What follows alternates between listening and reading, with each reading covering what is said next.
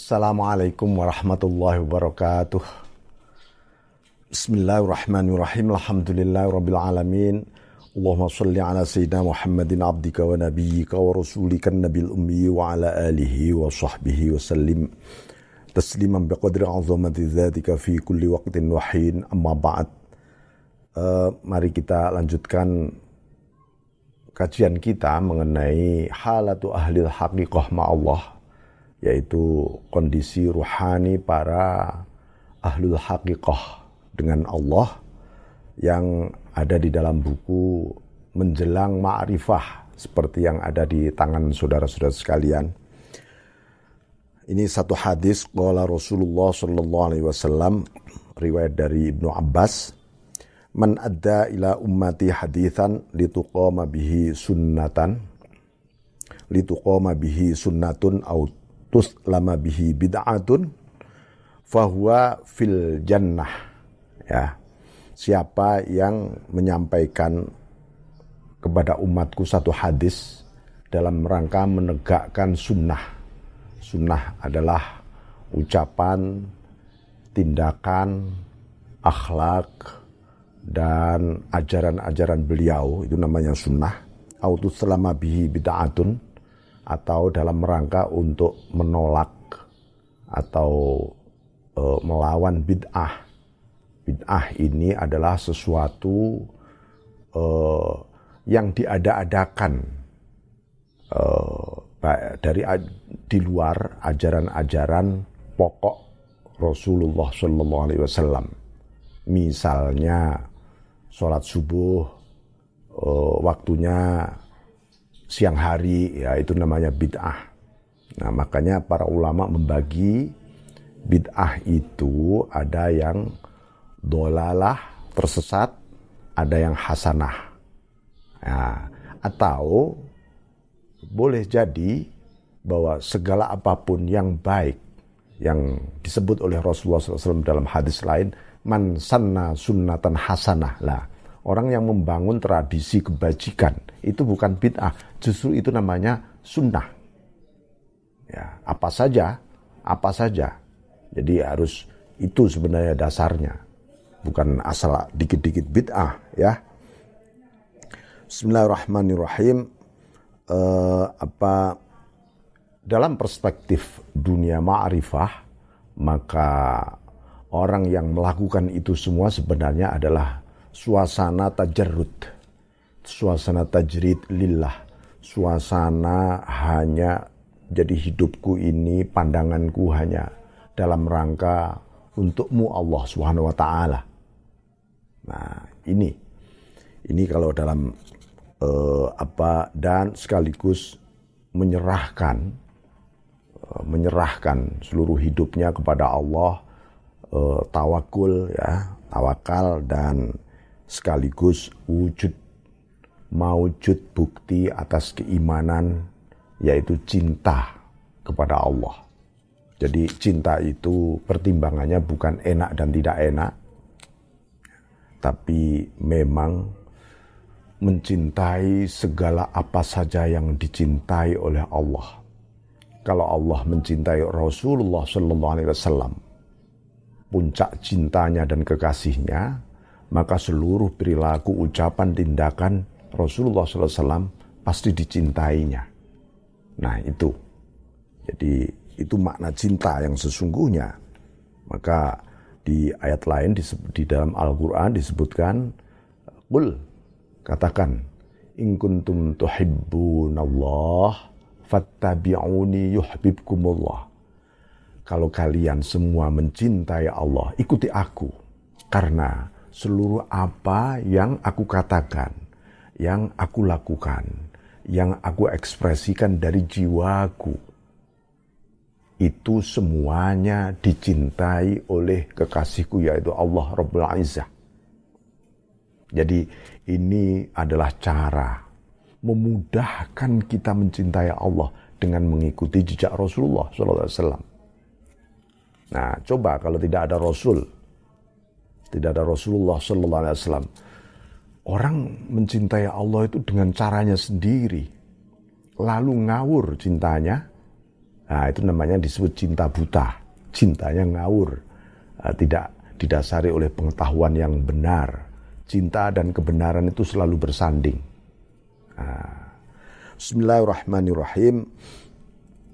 Jadi uh, beliau mengatakan uh, ay bunayya ya'lam anna habibal qulub subhanahu idza habba 'abdan uh, atla sirrah ala jalali qudrati wa harraka qalbah bimirwahi dzikri minnatih wa saqahu syurbata min ka'si mahabbatih jadi Allah apabila mencintai hambanya maka seluruh uh, kudrah kekuasaan Allah itu ditampakkan di dalam batinnya paling dalam. Ditampakkan betul azamatuhu kudratuhu ya. Lalu hatinya digerakkan untuk uh, apa ya? menyongsong anugerah-anugerah Allah yang begitu melimpah. Hatinya bergerak itu tandanya seorang hamba sedang dicintai oleh Allah. Nah, Apakah hati kita diem? Apakah hati kita tertutup? Bahkan hati kita berpaling, naudzubillah. Itu yang membuat kita tidak bisa menyongsong anugerah Allah. Tentu saja tidak ada cinta nanti. Nah, kemudian wasakohu surbata mingka si mahabbatih lalu diberi minuman dari gelas-gelas cintanya. Ya, gelas-gelasnya terdiri dari cintanya Allah. Tentu ini hatta yuskirahu bihi an sehingga dia mabuk. Ya, mabuk dengan gelas cinta yang isinya adalah muatan-muatan cahaya tentu saja. Itu membuat dia lupa segala-galanya kecuali hanya Allah saja. Ah, wa ja'alahu min ahli unsih wa qurbih wa suhbatih. Allah menjadikan hamba yang dicintai ini ini. Ini senantiasa merasakan keintiman mesra. Mesra dengan Allah. Sebuah dialog batin yang terus menerus. Coba. Itu bukan hanya indah. Ini sesuatu yang dahsyat. Uh, kedekatan. Ya. Kedekatan, kemesraan. Antara kekasih dan yang dicintainya. Dan ini semua adalah bentuk cara si hamba ini menyongsong cintanya Allah. Hatta la, hatta la yusbiru an dzikri rabbih wala yakhtaru ahadan wala yakhtaru ahadan wala yush, wala yashghula wala yashghula bihi uh, bi syai'in duna amri. Jadi dia juga tidak ada pilihan kecuali pilihannya ya Allah saja dan sesuatu yang dipilihkan Allah itu terindah. Terindah. Benar dan indah. Dia tidak memiliki aktivitas kecuali aktivitas menjalankan perintah menjauhi larangan itu saja. Itu soal aktivitas soal hatinya. Wah itu luar biasa. Makanya Abu Bakar Al-Wasiti radhiyallahu an Beliau mengatakan manzilatul hub aqdam min manzilatil khauf. Faman arada dukhul fi usbati ahli al-mahabbah fal yuhsinidhan billah wal ya'dhuma hurmatuh. Jadi Abu Bakar Al-Wasiti menyebutkan posisi cinta itu mendahului posisi khauf, rasa takut. Kenapa? Ya, kenapa? Karena uh, apa cinta ini akan melahirkan suasana seseorang itu digiring untuk husnuzan yang seperti kemarin kita bahas ya. Dia husnuzan kepada Allah. Karena tanpa husnuzan kepada Allah tidak muncul kebahagiaan dan kemesraan. Itu adalah suasana yang dialami oleh para pecinta. Nah Uh, ini gambaran yang luar biasa. Tentu saja kita sering mendengar satu hadis yang sahih. Betul ini diriwayatkan oleh Imam Muslim ya. Qala Rasulullah SAW, Inna Allah idha habba abdan da'a Jibril Faqala inni uhibbu fulanan fa ahibbah. Jadi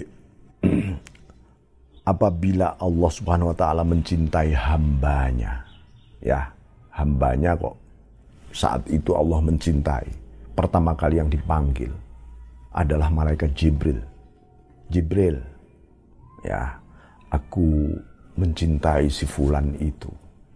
Cintai dia. Nah, fayuhibbuhu Jibril thumma yunadi fis sama fayaqulu innallaha yuhibbu fulanan fahibbuh fayuhibbuhu alus sama thumma yudau lahul qubul fil ard.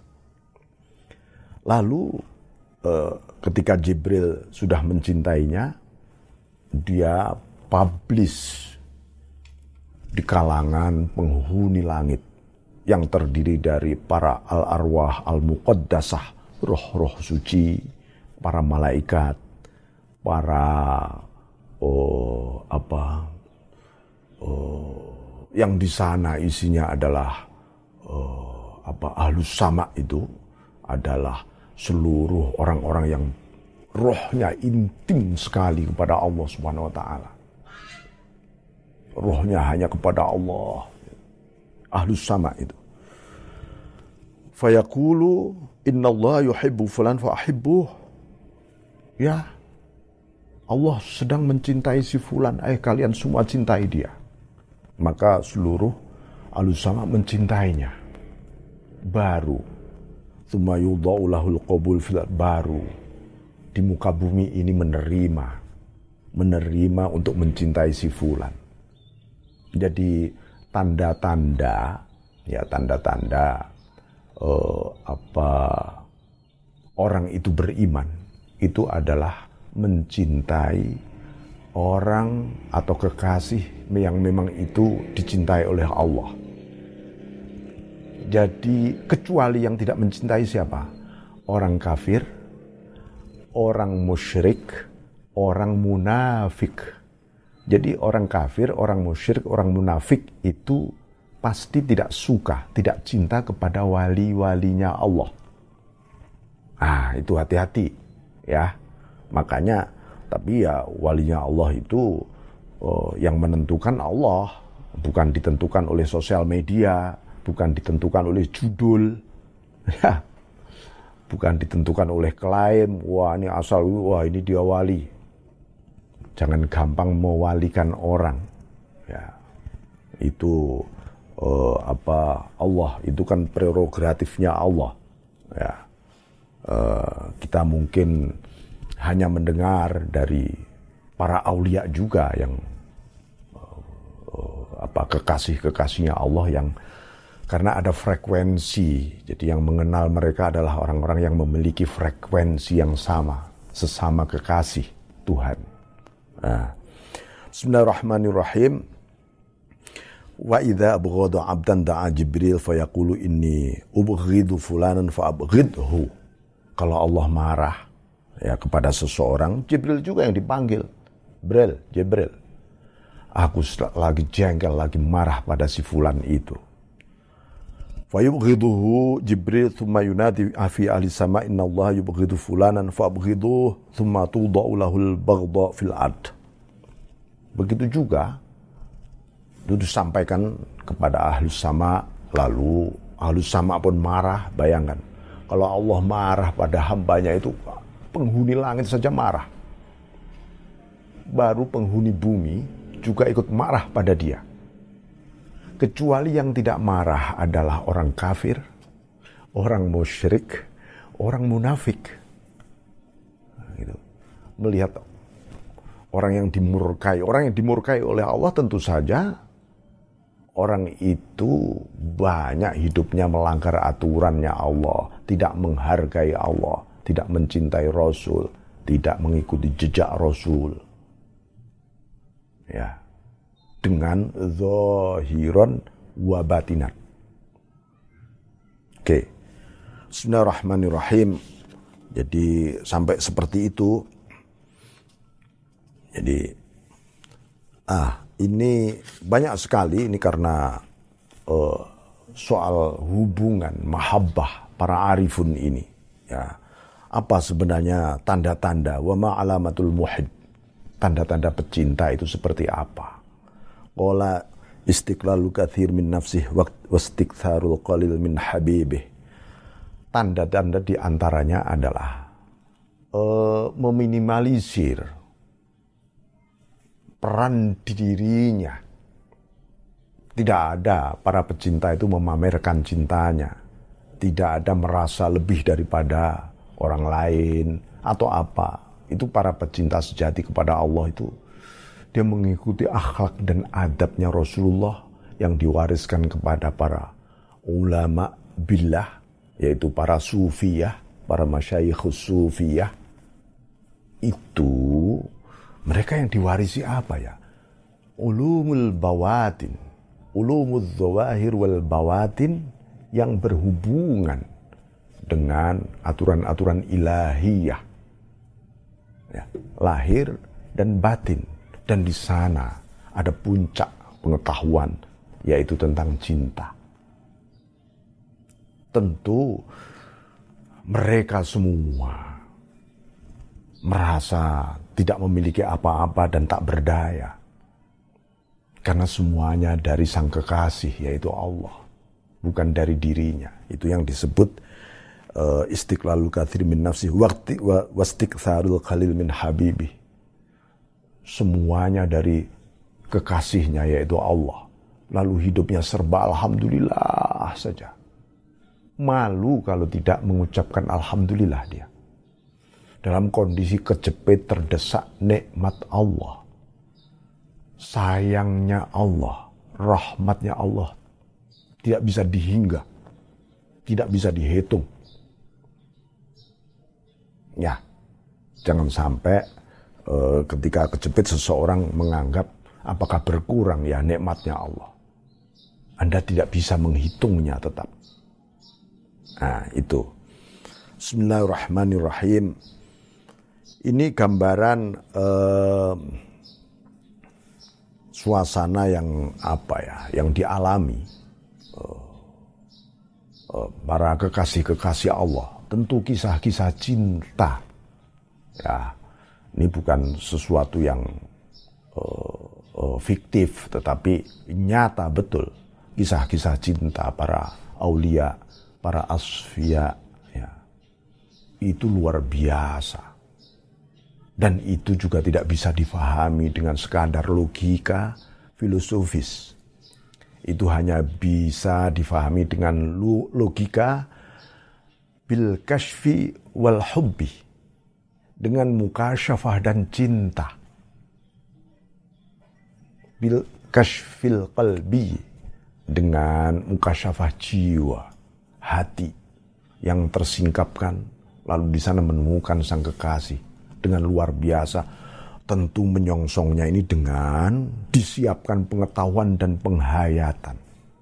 Penghayatan saja tanpa pengetahuan nanti merasakannya menjadi bingung dan salah.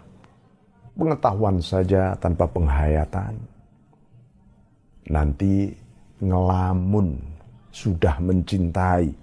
Wah aku ini pecinta Allah ternyata baru ngelamun mencintai Allah. Ya, jadi itu ya uh, ada satu kisah uh, Qara'a wahidun baba mahbubih faqala min dakhil bab man anta qala ana anta faqala ya ana udkhul suatu ketika ada seorang yang mazub ini. Mazub itu orang yang jadab. Orang jadab itu bukan yang nganeh-nganehi lalu Anda anggap jadab loh ya. Itu orang yang tergila-gila. Hatinya sudah ditarik oleh tarikan ilahiyah. Jadaba yujadzibu tajziban. Nah, jadi uh, jadi dia mengalami uh, uh, uh, sebuah tarikan tarikan cinta yang luar biasa sehingga dia kayak linglung gitu. Ah, ada cinta nggak di sana? Ada fana nggak? Ada musyahadah nggak? Nah, baru nanti akan ada ma'rifah di sana. Tanpa demikian, oh, mungkin kita hanya klaim, kita hanya mengklaim tentang mahabbah. Ya, maka ketika seseorang memasuki pintu, ketuk pintu, Qura'a wahidun baba mahbubih, pintu kekasihnya, ya. Maka dari dalam dia ditanya, siapa itu? Aku, gitu. aku siapa? Gitu. Aku adalah kamu. Gitu. Maka sang kekasih dari dalam mengatakan, Eh, masuklah wahai aku. Itu pasti bahasa cinta. Ya. Jadi yang menyatu aku dan kamu itu bukan wujudnya. Ya. Tapi syuhudnya. Maka para ulama, para ulama itu lebih para ulama sufi yang uh, terutama Abu Yazid, Al-Ghazali dan seterusnya itu lebih senang menggunakan kata wahdatus syuhud karena yang menyatu adalah syuhud. Syuhud itu adalah penyaksian jiwa. Itu. Ya. Bukan wahdatul wujud. Walaupun, walaupun wahdatul wujud itu artinya bukan menyatunya dua wujud sebenarnya. Wahdatul wujud itu bukan menyatunya dua wujud atau banyak wujud menjadi satu itu mustahil. Kenapa? Karena hakikat wujud hanya satu. Bagaimana bisa ada banyak wujud? Yang berhak punya sifat wujud kan Allah. Yang lain bukan wujud. Tidak berhak memiliki sifat wujud. Tapi wujud relatif yang semu. Dan itu sama dengan tidak ada sebenarnya. Sama dengan tidak berwujud. Maka, ta, maka kata wahdatul wujud itu diartikan dialah satu-satunya wujud. Bukan bersatunya banyak wujud. Dialah satu-satunya yang wujud. Nah itu loh. Itu dari perspektif filosofisnya. Tapi dalam praktek amaliyahnya, yang wahdah adalah syuhudnya, bukan wujudnya. Jadi harus di ini cara menyatukan soal wahdah dalam filsafat apa? Tasawuf falsafi dan tasawuf syuhudi atau amali. Nah itu, uh, jadi nggak bisa kita persepsi logik ini kita paksakan di hati, yang di hati kita paksakan di logik itu memiliki uh, frekuensi masing-masing. Nah, penyatuannya di mana? Oh, secara ilmiah, intelektual itu begitu kajiannya. Secara praktikly, syuhud. Syuhud itu penuh dengan cinta, fana, ma'rifah. Tiga ini. Ini adalah yang menjadi karakteristik syuhud